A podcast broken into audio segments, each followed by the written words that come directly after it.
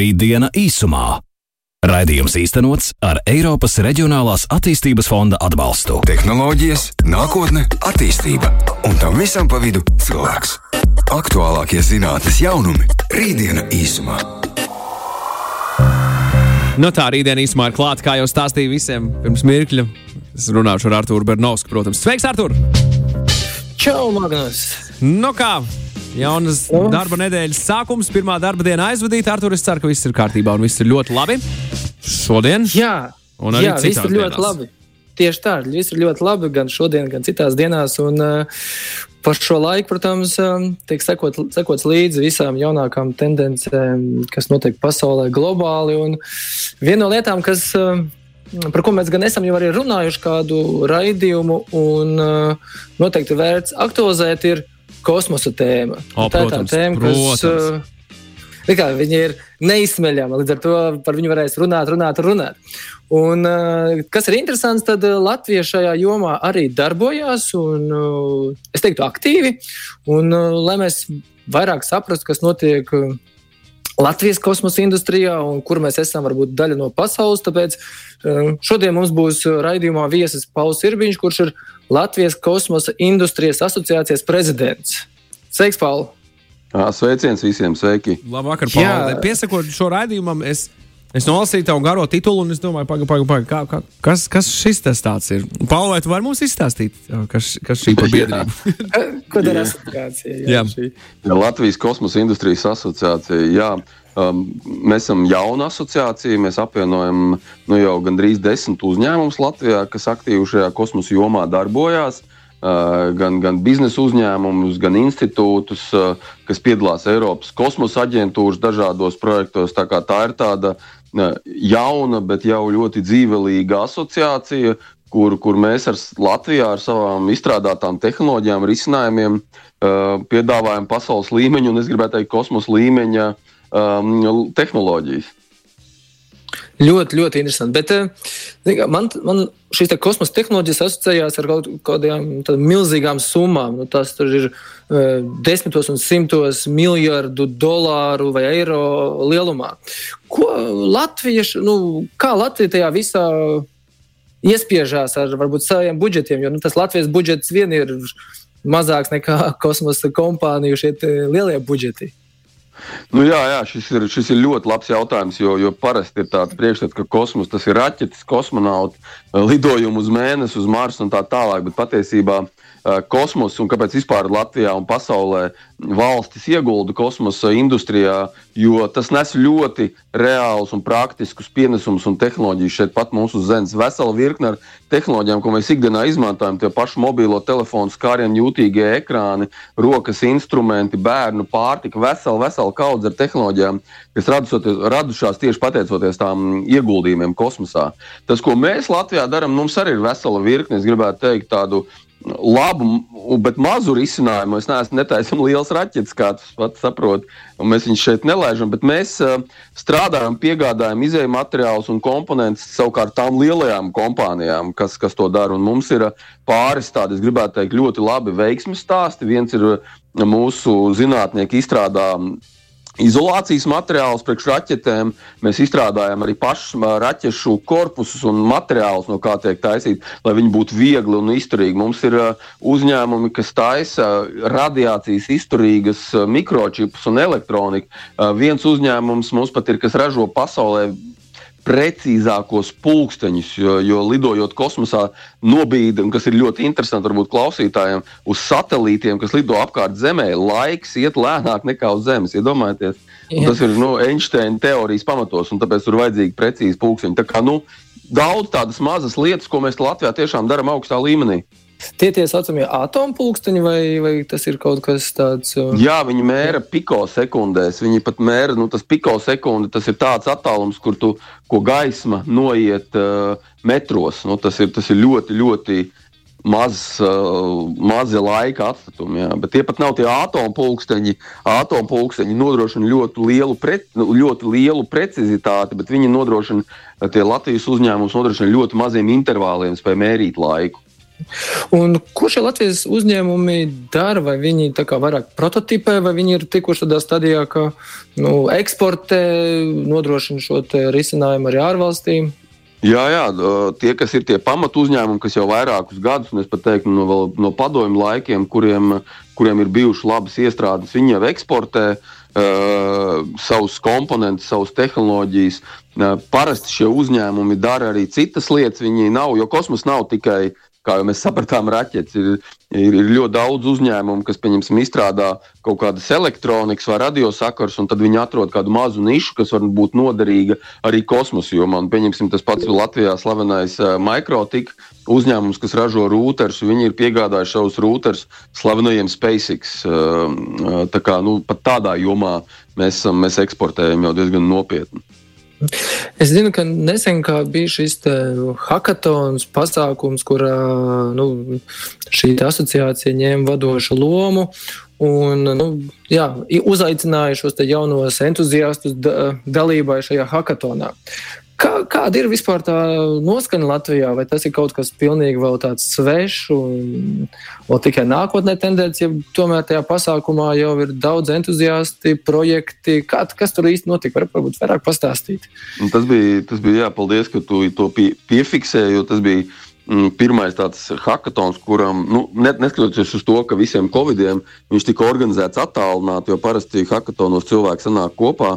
Uh, šajā hackathonā viņš bija unikāls. Šis hackathons bija viņš ir unikāls, ka uh, daudzi pasaules lielie kosmosa uzņēmumi jau bija identificējuši tādus uh, izaicinājumus, kuros tiek meklēti risinājumi. Un, nu, jāsaka, bija ļoti, ļoti liela atsaucība. Bija pieteikušies vairāk kā simts cilvēki, visus pat nevarējām paņemt. Um, jo mums bija noteikts limits, cik mēs varam ņemt. Pieteikšies bija, ja iepriekšējos gados šādiem hackathoniem pieskārās vairāk tādi tehniski, inženierzinātnēm jaunieši, tad šoreiz bija ļoti daudz jauniešu pieteikušies tieši ar tādu biznesa, ar ekonomisko, finanšu uh, mācību virzienu. Un, un tas nozīmē, nu, ka šī kosmosa joma, es teiktu, kļūst tāda populāra ne tikai inženieru un zinātnieku starpā. Es domāju, arī, arī daudz jauniešu, kas, kas nav inženieri, viņi saskata šajā jomā nu, tādas liels biznesa iespējas. Bet, protams, skaidra lieta, zinot to, ka Ilons Masks ir mīmīgs gada, nu, tas ir jā, jā, tā, kā tam tā. ir jābūt. jā. Varbūt var nokomentēt kādus nu, tos projektus, kas tajā hackathonā veidojās, un, un par to viņu tālāko virzību, vai viņi palika nu, hackathona ietvaros, vai tomēr tur arī pēc hackathona ir kāda dzīvības elpa un, un, un entuziasms nav, nav noplacis viņu attīstīt. Nu, parasti, jāsaka tā, nu, parasti, protams, hackathoni ir tādi vairāk tādu mācību nolūkos, kad jaunieši sanāk kopā, notestē, vai tās idejas ir vērtīgas vai nav idejas, un ļoti maz tādu praktisku ideju no hackathoniem uh, turpina dzīvi. Uh, savukārt mūsu hackathonā nu, mums bija kopumā 15 komandas. Sākumā gan vēl cilvēki dažādi bija. Protams, liela daļa ideja bija tādas ļoti kosmiskas par būv, būvēt kosmosa bāzi uz mēnesi un tur izīrēt citiem, bet bija arī tādas nu, pavisam praktiskas, kā izmantojot zemes novērošanas datus, teiksim, tas, ko mēs no satelītiem iegūstam, visus bildes un attēlus un, un citus datus, kā ap viņiem veidot biznesu. Nu, un bija pat uzņēmumi, kas domāja, kā izmantojot mākslīgā intelekta algoritmus, nodrošināt, lai roboti uz Marsa varētu autonomi, nevis uz Marsa, atvainojos uz mēnesi, eh, varētu autonomi darboties. Tā kā nu, no visām šīm 15 komandām es teiktu, četras komandas bija tādas jau ļoti nopietnas ar labām biznesa iespējām. Uh, viena no viņiem jau pat bija jau nesen izveidots startups. Um, Uh, kas, kas pieteicās arī uz hackathonu, lai pārbaudītu savas idejas. Tā kā nu, es nu, no, no 15 komandām, 5 komandas jau tādas ar tādu reālu virzību, tas ir ļoti labs rādītājs. Es domāju, no viņām, ja kaut vai viena tālāk tiks un attīstīsies, tas jau būs daudz, jau es tā teiktu. Jā, tas izklausās baigi cerīgi. Uh, ir tā, ka parastās industrijās, tās lielās, tās skaļās industrijas runā par to, ka nu, ir vajadzīgi studenti. Mēs esam runājuši gan par medicīnas nozari, gan par citām tādām zinātņu ietilpīgām nozarēm. Tur nu, ļoti svarīga sadarbība ar augstskolām, ar studentiem, ka ir šie studenti, kas izglītojās šajā jomā un attīstās. Uh, Kā ir ar šo kosmosa tehnoloģijas jomu? Vai Latvijā augstskolas kaut ko tādu vispār sagatavo un kaut kādas sadarbības veido? Jā, nu, man pašam, kā RTU doktorantam, liels prieks, ka augsts, vismaz RTU šajā jomā ļoti aktīvi iesaistās, darbojās.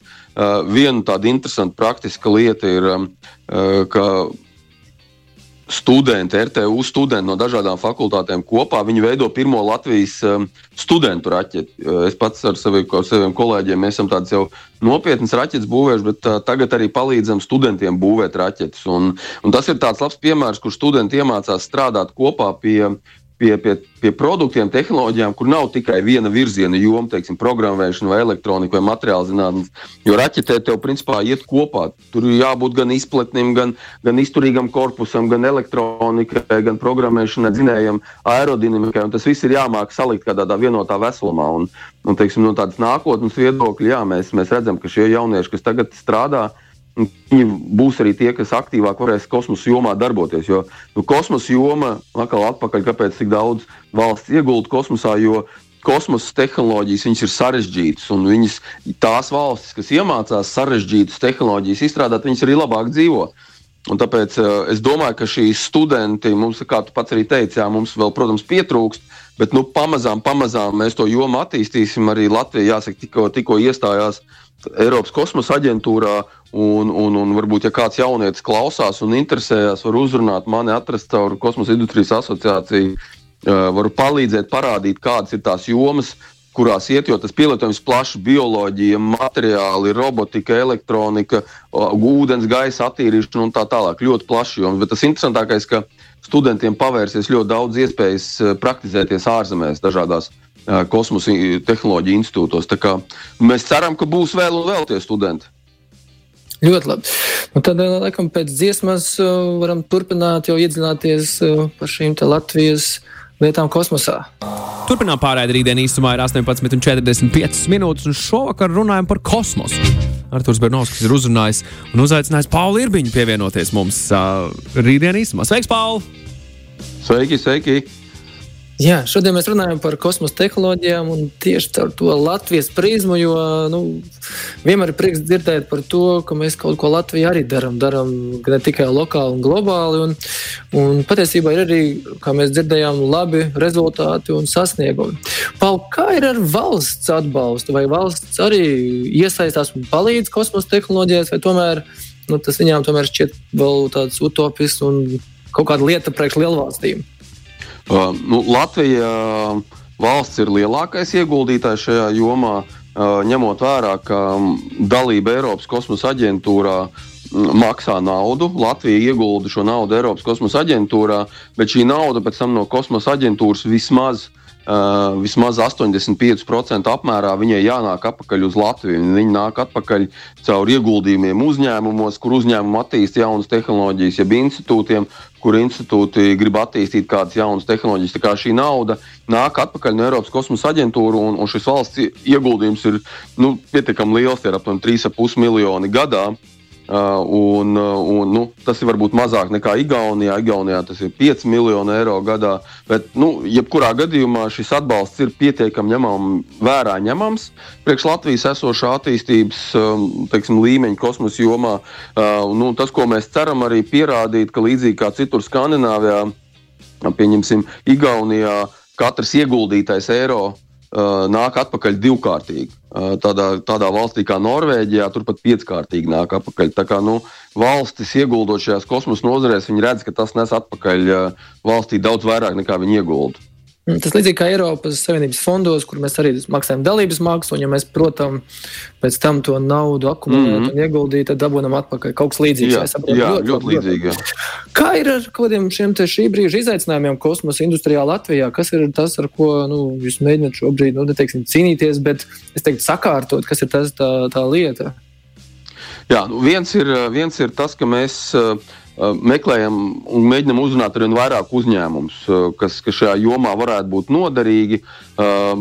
Pirmkārt, mēģinam rādīt par to, ka ņemot vērā, ka Latvija tagad ir iestājusies, tad jebkuram Latvijas uzņēmumam, viņš ir kosmosa asociācijā vai nav asociācijā, viņam ir iespēja piedalīties Eiropas kosmosa aģentūras iepirkumos.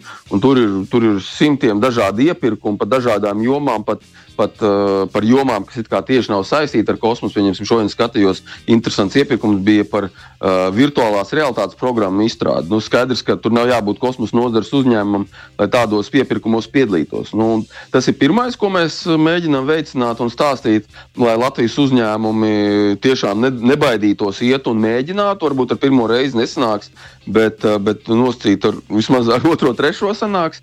Otrs, mēs runājam un arī stāstam uzņēmumiem, kas Latvijā līdz šim varbūt nav ar kosmosu cieši bijuši saistīti, bet kuriem ir tā saucamā viedā specializācija, vai tas ir elektronika, radiosakari vai materiāli. Ka mēs rādām, ka viņiem ir iespējas, ir iespējas tajā jomā darboties.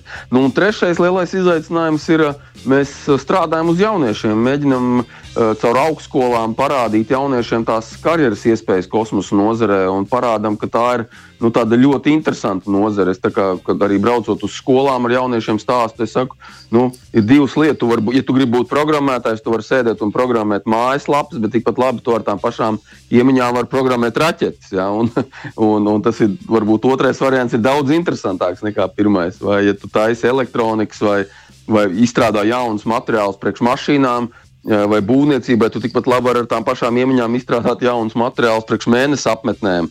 Un tas arī man liekas būs interesantāk. Tā kā, nu, jā, nu šie ir tie pagaidām lielākie izaicinājumi. Kāda varbūt ir tavi ieteikumi jauniešiem, kam nezinu, ir prātā kādas kosmosa tehnoloģija idejas, un varbūt šobrīd nav nu, resursi to realizēt? Ko viņam darīt, kur viņam griezties, kā viņš varētu to savu ideju nezinu, testēt, mēģināt realizēt? Kā ir kaut kādi nu, ieteikumi? Nu, pirmais var man uzzvanīt, tad mēs varēsim parunāt. Es varbūt iedošu kādus personīgākus ieteikumus, ko kā darīt. Bet, eh, bet jebkurā gadījumā svarīgi ir jauniešiem iet un studēt tajā jomā, kas viņiem liekas uh, Un, un, un droši vien primāri tās būtu tehniskām, ar, ar, ar dabas zinātnēm saistītās lietas, uh, iedziļināties, būt, būt labam speciālistam, ja ne galīgi pašam labākam un lielākam ekspertam un zinātniekam, bet būt labam ekspertam savā jomā. Tad, kad jau tu jau to jomu saprati, tad, kad, tev, tad, kad tu redzi, ka šī ideja ir tehniski realizējama, ka, vai ka viņai nav kaut kādi tehniski vai, vai, vai dabas likuma ierobežojoši elementi, tad jau tu vari sākt domāt, kā viņu pamazām uh, pārbaudīt, uztaisīt prototipu turpat kopā ar augstskolām. Ja tev ir, ja tev ir gatavs prototips, tu jau vari uzrunāt uzņēmumus, kas šajā jomā darboties un ar viņiem kopā startēt uz Eiropas kosmosa aģentūras projektiem. Tā kā nu, šis ceļš ir diezgan skaidrs un precīzs. Galvenais ja ir ideja, nu, jābūt arī pacietībai un neatlaidībai. Nu, kosmosa tehnoloģija un kosmosa lietas ir tās, kas tiešām pasaules apvieno. Pat ja viņi savā starpā kaut kur strīdās, tad tajās kosmosa lietās viņas pat sad, sad, sadraudzības ceļā sadarbojās. Un, uh, pavisam drīz jau būs šie SpaceX un Virgin Galactic un šie turisti. Un ceļošana mm -hmm. kosmosā pieejama gan, nu, principā, jebkuram. Un te man tāds, tāds praktisks jautājums, nu, jo Vienmēr, kad, mēs, kad esam runājuši par kosmonautiem, tad tā ir tāda īpaša sagatavošanās, īpašas tad, nu, fizioloģiski mm. piemērots šim lidojumam. Un te pēkšņi kosmosa turists, kur praktiski varētu būt jebkurš. Kā tur ir? Vai tur tomēr būs arī kaut kāda sagatavošanās, ir kāda info par to, kā šie turisti tiks gatavoti, sagatavoti, atlasīti? Jā, nu, faktiski šo tēmu es esmu pētījis. Patiesībā Um, lai sagatavotos lidojumam kosmosā, mūsdienās nav vairs vajadzīgi gadiem, gadiem sagatavošanās. Ir jābūt daudz maz labai veselībai, ir jāaiziet varbūt pāris treniņi, kas saistīti ar gravitācijas pārslodzēm, ar bezsvaru stāvokļiem, lai organisms zina, ar ko rēķināties, lai kosmosā slikti nepaliek un netiek pievēmts viss kosmosa kuģis. Uh, bet, bet būtībā. Nu, pāris nedēļu laikā, ja tev ir jau lab, labs, ves, lab, labs fiziskā sagatavotība, tu vari var doties lidojumos kosmosā. Tā, tā, tas vairs nav ierobežojums.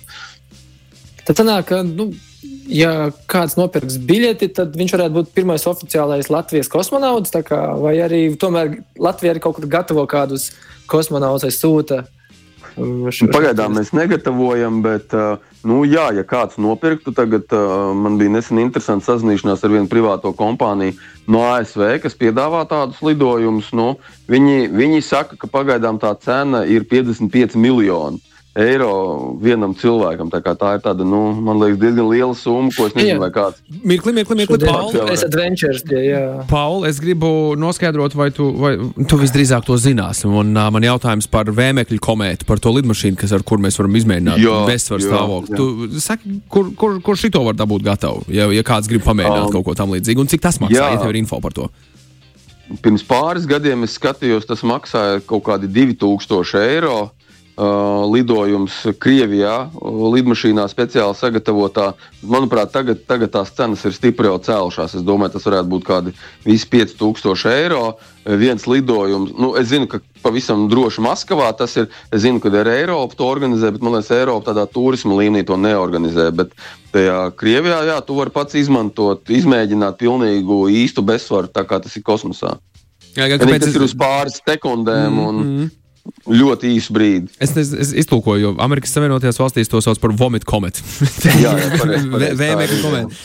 Tā ir, tā ir iespēja jā, pārliecināties, kā tad ir būt GLS stāvoklī, jā, bez, bez Jā, gravitācijas. saprast, vai, vai vispār tas ir priekš tevis. Jā, jā, jā, jā, jā, jā, jā. No malas jau baigs smuki izskatās, zini kā. jā, Zinās, gribētu, jā. visi grib būt kosmonauti, bet varbūt tomēr tas nav priekš visiem. No, vi, Jā, nu, ne visiem jābūt par kosmonautiem, bet es domāju, mēs visi agri vai vēl tāpatās darbosimies cieši vai netieši tā kā kosmosā, līdzīgi tā kā pirms pāris tūkstošiem gadu cilvēkiem, teiksim, okeāni bija jauns izaicinājums un doties uz citiem kontinentiem. Nu, tagad tas pats ir principā. Nu, kosmos ir tas jaunais okeāns, mēnesis, Mars ir tie jaunie. Jaunie kontinenti, ko mēs apgūsim, ko mēs izmantosim, nu, viņi būs daļa no mūsu, mūsu ikdienas. Jā, pavisam drīz tas jau patiesībā tiešām pārskatāmā nākotnē. Tā kā paldies tev, Paul, par šo te interesanto sarunu un dalīšanās ar, ar to, kas notiek Latvijā. Un ļoti ceru, ka tuvākā laikā mums būs skaļi jaunumi šajā kosmosa industri- industrijā arī Latvijā. Sarunājuši. Jā, paldies, jā, un Magnus, tad jau. Paldies! Jā, paldies, paldies Paul, paldies Artur. Liekam punktu šai rītdienai īsumā un nākamajā nedēļā turpinām meklēt piedzīvojumus daž, dažādās tēmās, par ko mums, ar ko mums būs savā dzīvē jāsaskars. Paldies par sarunu, ārkārtīgi interesanti rītdienā īsumā. Čau! Jā, Čau, čau! Visu labu! Rītdiena īsumā. Raidījums īstenots ar Eiropas Reģionālās attīstības fonda atbalstu.